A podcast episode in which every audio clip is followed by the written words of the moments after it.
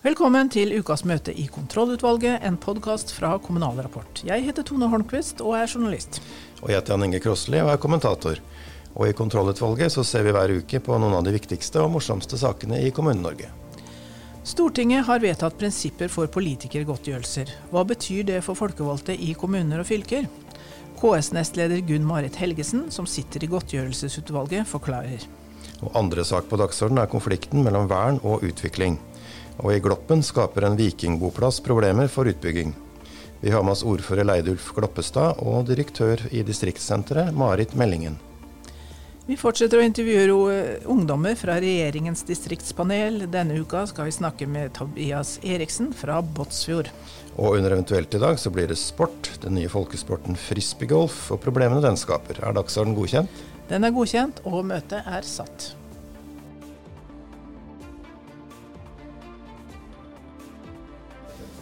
I januar la Stortingets godtgjøringsutvalg fram sin rapport. Nå har Stortinget behandlet forslagene, og vi er mest opptatt av hva det betyr for folkevalgte i kommuner og fylker. Til å hjelpe oss med det har vi med oss nestleder Gunn Marit Helgesen, som representerer KS i utvalget. Velkommen til deg. Tusen takk.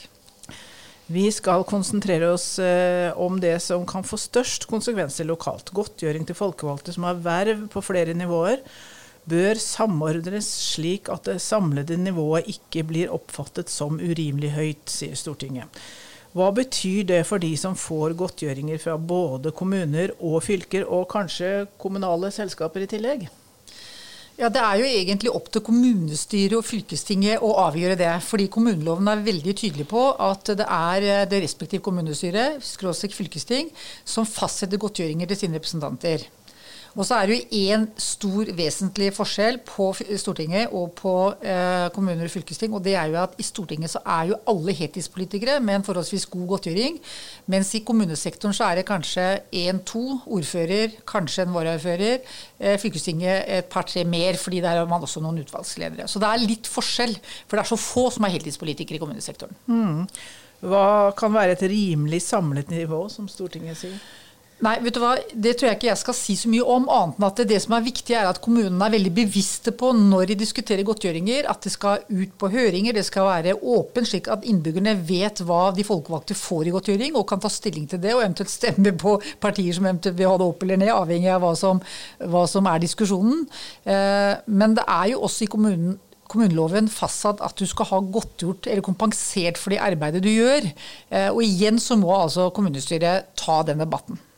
Så det er mange som, folkevalgte som får godtgjøring både for å verve i kommunen og for verv i fylket. Du har vel sittet sånn dobbelt?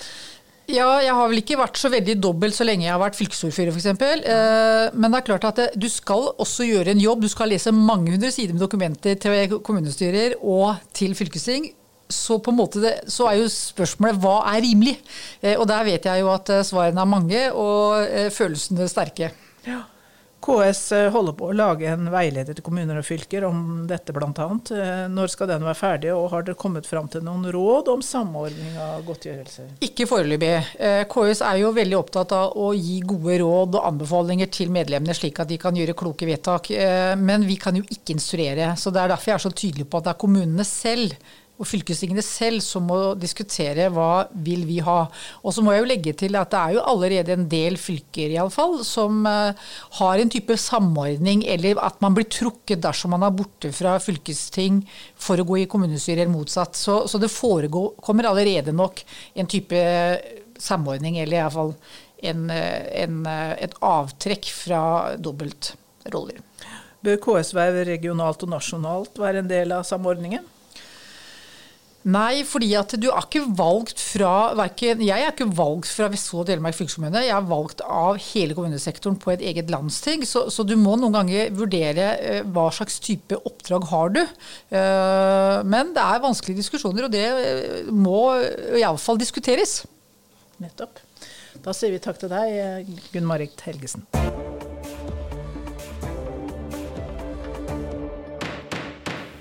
Neste sak på dagsordenen er konflikten mellom vern og utvikling. Vi har med oss Gloppen-ordfører Reidulf Gloppestad fra Senterpartiet.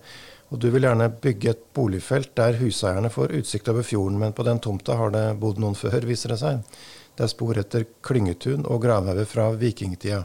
og fylkeskommunen har innsigelser. Hva handler denne konflikten egentlig om? Denne konflikten handler vel kanskje mest om, eh, mest om prinsipp. Eh, for, eh, for vi driver og utarbeider en arealplan i kommunen. Og vi har fått ei røys med innsigelser fra statsforvalter, NVE, og Vegvesenet og fylkeskommunen på, på, så mange områder. Så hver for seg er eh, for så vidt fornuftige, gode innsigelser som en skulle og burde sett nærmere på. Men omfanget av dette blir så enormt. At når vi skal utarbeide en arealplan og vi, og vi bare skal håndtere dette her, så, eh, så, så, er det nesten ikke handlingsrom igjen for å gjøre noe som helst. Eh, og det reagerer jeg eh, litt på. Ja, det er et veldig verdifullt område dette her, sånn kulturminner og ja, det er det. Og, da, og der kommer vi til det som er, det, det hovedproblemet. Da. Når jeg sier at dette handler om prinsipp. Vi har en vedtatt samfunnsplan som vi bygger arealplan på, som sier noe om hvordan vi vil bygge. Bl.a. med å ha fortetta boligbygging rundt skoler og barnehager. Eh, her ligger en skole 100 meter ved siden, og det skal bygges en ny barnehage 200 meter bortenfor. Eh, vi har en vedtatt kulturminneplan som fylkeskommunen har vært høringspart på.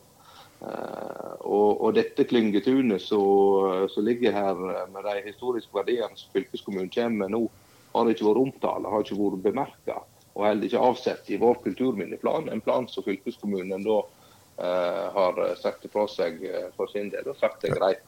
Hvorfor ikke det? Hvorfor har det ikke kommet Nei, det må, det må fylkeskommunen svare for sjøl. Som sagt, vi har vedtatt denne kulturminneplanen. Vi bygger vårt planverk på de vedtatte planene som vi i tur og orden har lagt fram fram til vi kommer til arealplanen. Og I første utkast for arealplanen lå det òg inne fra kommunens side ønske om å å lage fortetta boligbygging her. så ikke kom, og Det kom det heller ikke noen merknad på fra fylkeskommunen før en privat aktør og, og grunneier utarbeider et privat reguleringsinitiativ. Da kommer dette opp. Og Det syns jeg er et problem, altså.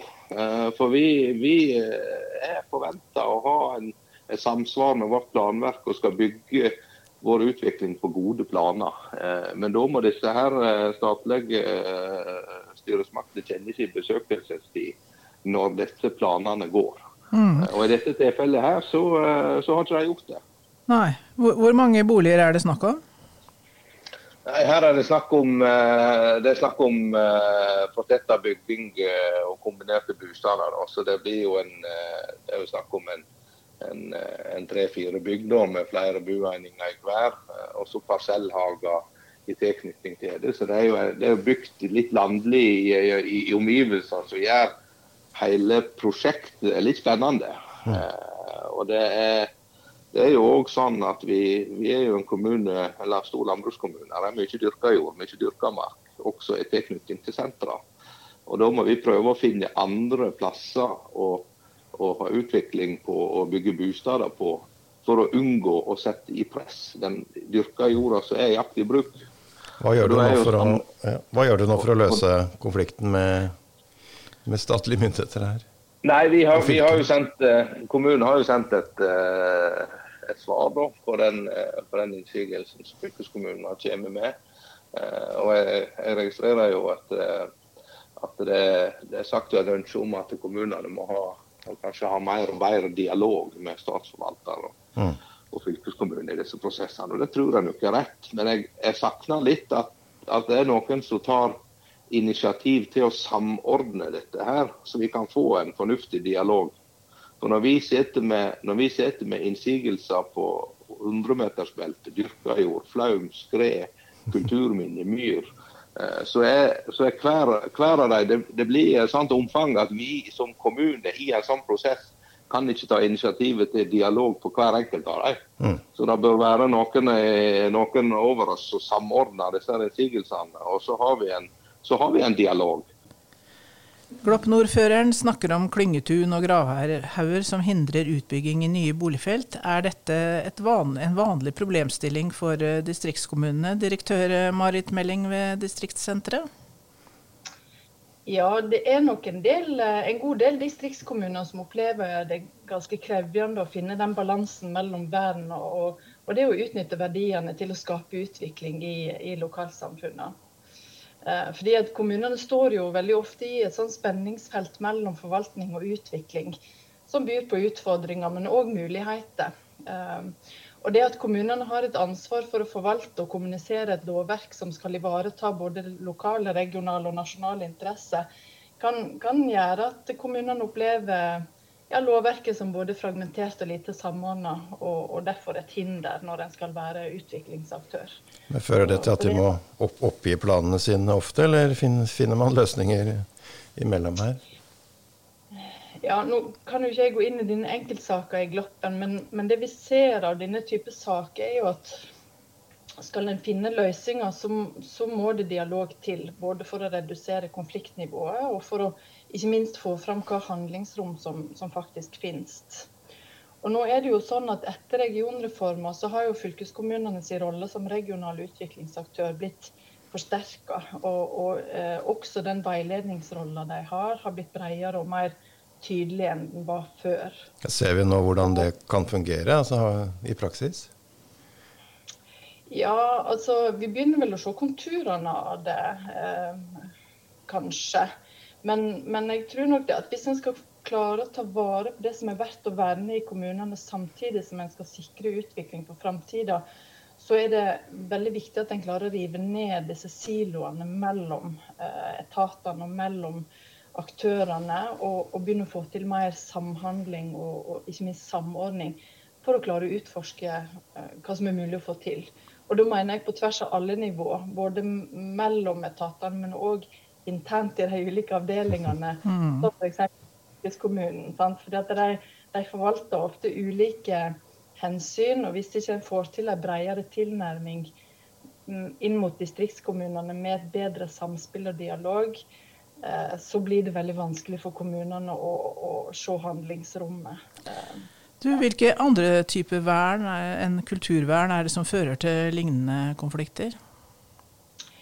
Det kan være mange ulike typer uh, uh, hensyn. Det kan jo være f.eks. knytta til ja, sånn som i dette tilfellet vern uh, av kulturminner. Det kan være naturvern.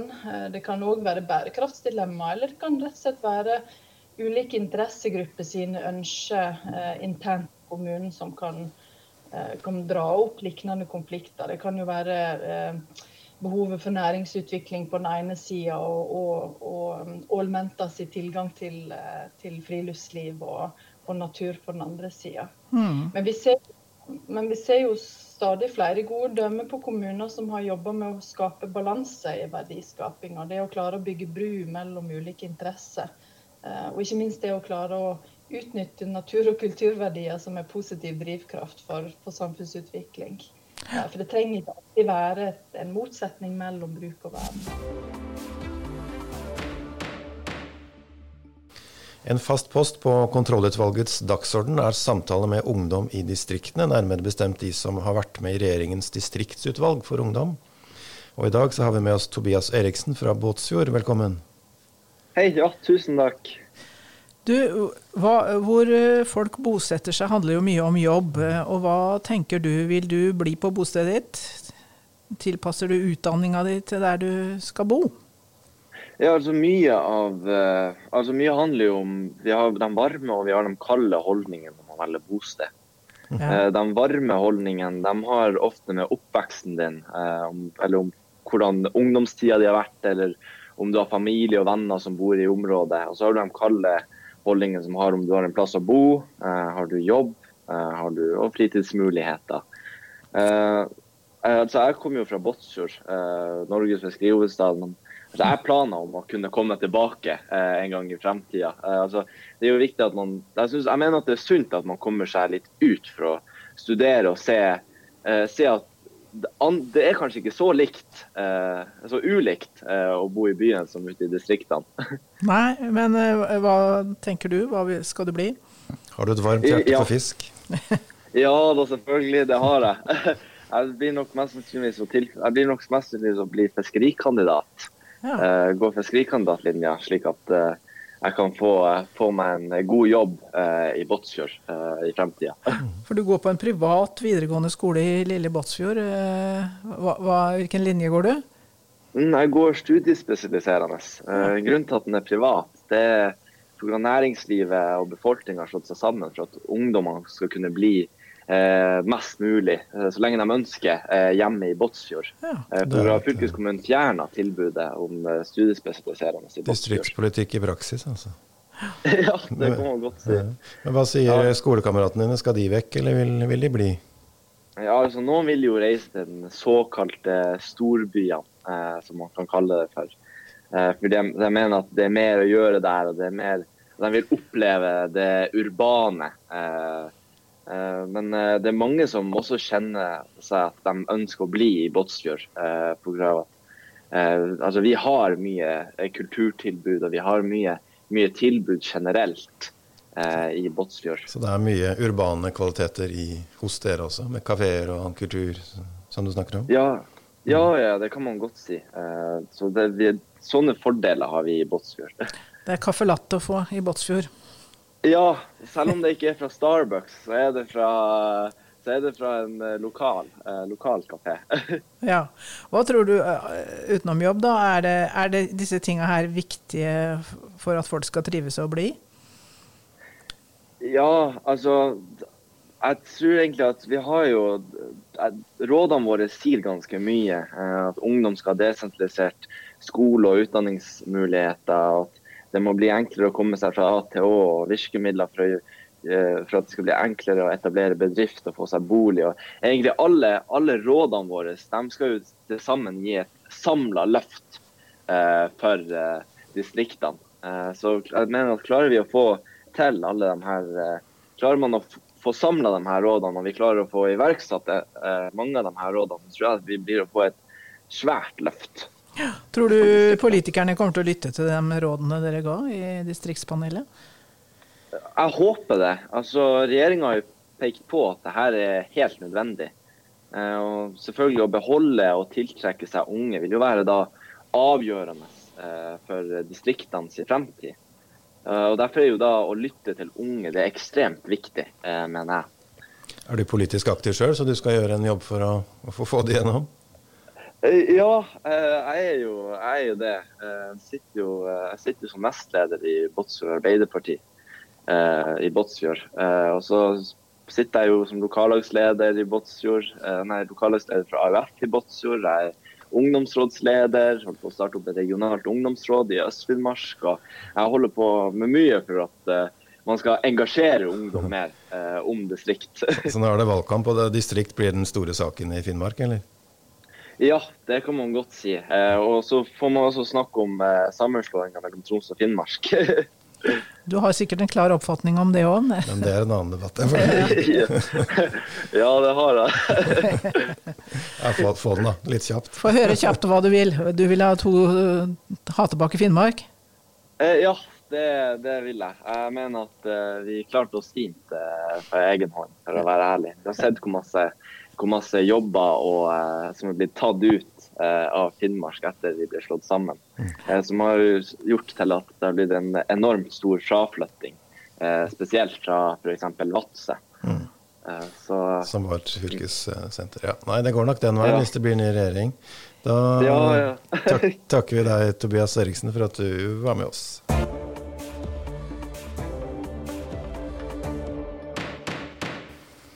Og nå sport, eller hva har du funnet til eventuelt i dag, Tone? Eh, vi må informere litt om eh, frisbeegolf. Aha, hvorfor det? Fordi det er en av verdens raskest voksende sporter. Og nå dukker det opp i kommunestyrer rundt om i landet. Eh, nå sist i Halden, som avviste en frisbeegolfbane i skogen. Ja, hvorfor det? Av sikkerhetsgrunner. Var det farlig? Ja, tja. Vi får se. Folk altså, kan få jo en sånn frisbeer i huet. da. Spillet går ut på å kaste frisbeer i en kurv, så det må settes opp en masse kurver rundt i skogen eller der hvor den eh, banen skal være. Og diskene de er litt tyngre og litt hardere enn vanlige frisbeer, som jo ofte er sånne lette plastskiver. Men eh, altså, ifølge internetten da, så er det verdens raskest voksende sport, og en fin eh, aktivitet for uorganisert ungdom og andre mente i hvert fall hovedutvalget da, for plan, teknisk landbruk, klima og miljø i Halden. Ops, ja. Ja. Og der står det at eh, utvalget, utvalget vektlegger folkehelseperspektivet i saken. Dette er en aktivitet som trekker folk opp av godstolen og vekk fra TV og dataspill. Ja, fysj. Halden ligger i undersøkelsen ved, jeg skal si, De ligger litt lavt da, på folkehelsemålinger. Og det er spesielt bekymringsfullt når det gjelder ungdom, sa, sa utvalget. Det høres og, veldig bra ut. Ja. Men ja. Hvem var mot dette, da? Eh, kommunedirektøren, da, som var eh, opptatt av at diskene krysser stier. Mm. Og der kunne jo dukke opp folk som får en disk i huet. Da. Det er ikke diskos det er snakk om her, det er plastikk? Ja, ja, det er hard plast. da, Det kan jo gjøre vondt, selvfølgelig. Så uh, kommunedirektøren innstilte på at det ikke skulle bli vedtatt, og det ble det altså ikke. Diskgolf heter også, eller frolf, blant entusiastene.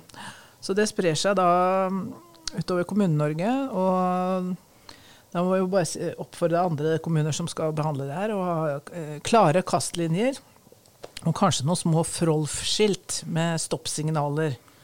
Høres ut som en aktivitet som kan passe for ganske mange. dette. Ja, jeg tror vi skal slå et slag for frolf, ja. eller golf for hvermannsen. Så når når du da som kommunedirektør eller politiker får en uh, søknad eh, på banen din om Frolf-bane, så prøv å finne en løsning, vil vel vise da. Så det var det vi hadde til eventuelt i dag. Og da er møtet hevet? Det er hevet. Og møteledere for i kontrollutvalget var som vanlig journalist Tone Holmquist og kommentator Jan Inge Krosli. Og vi har også styrt teknikken.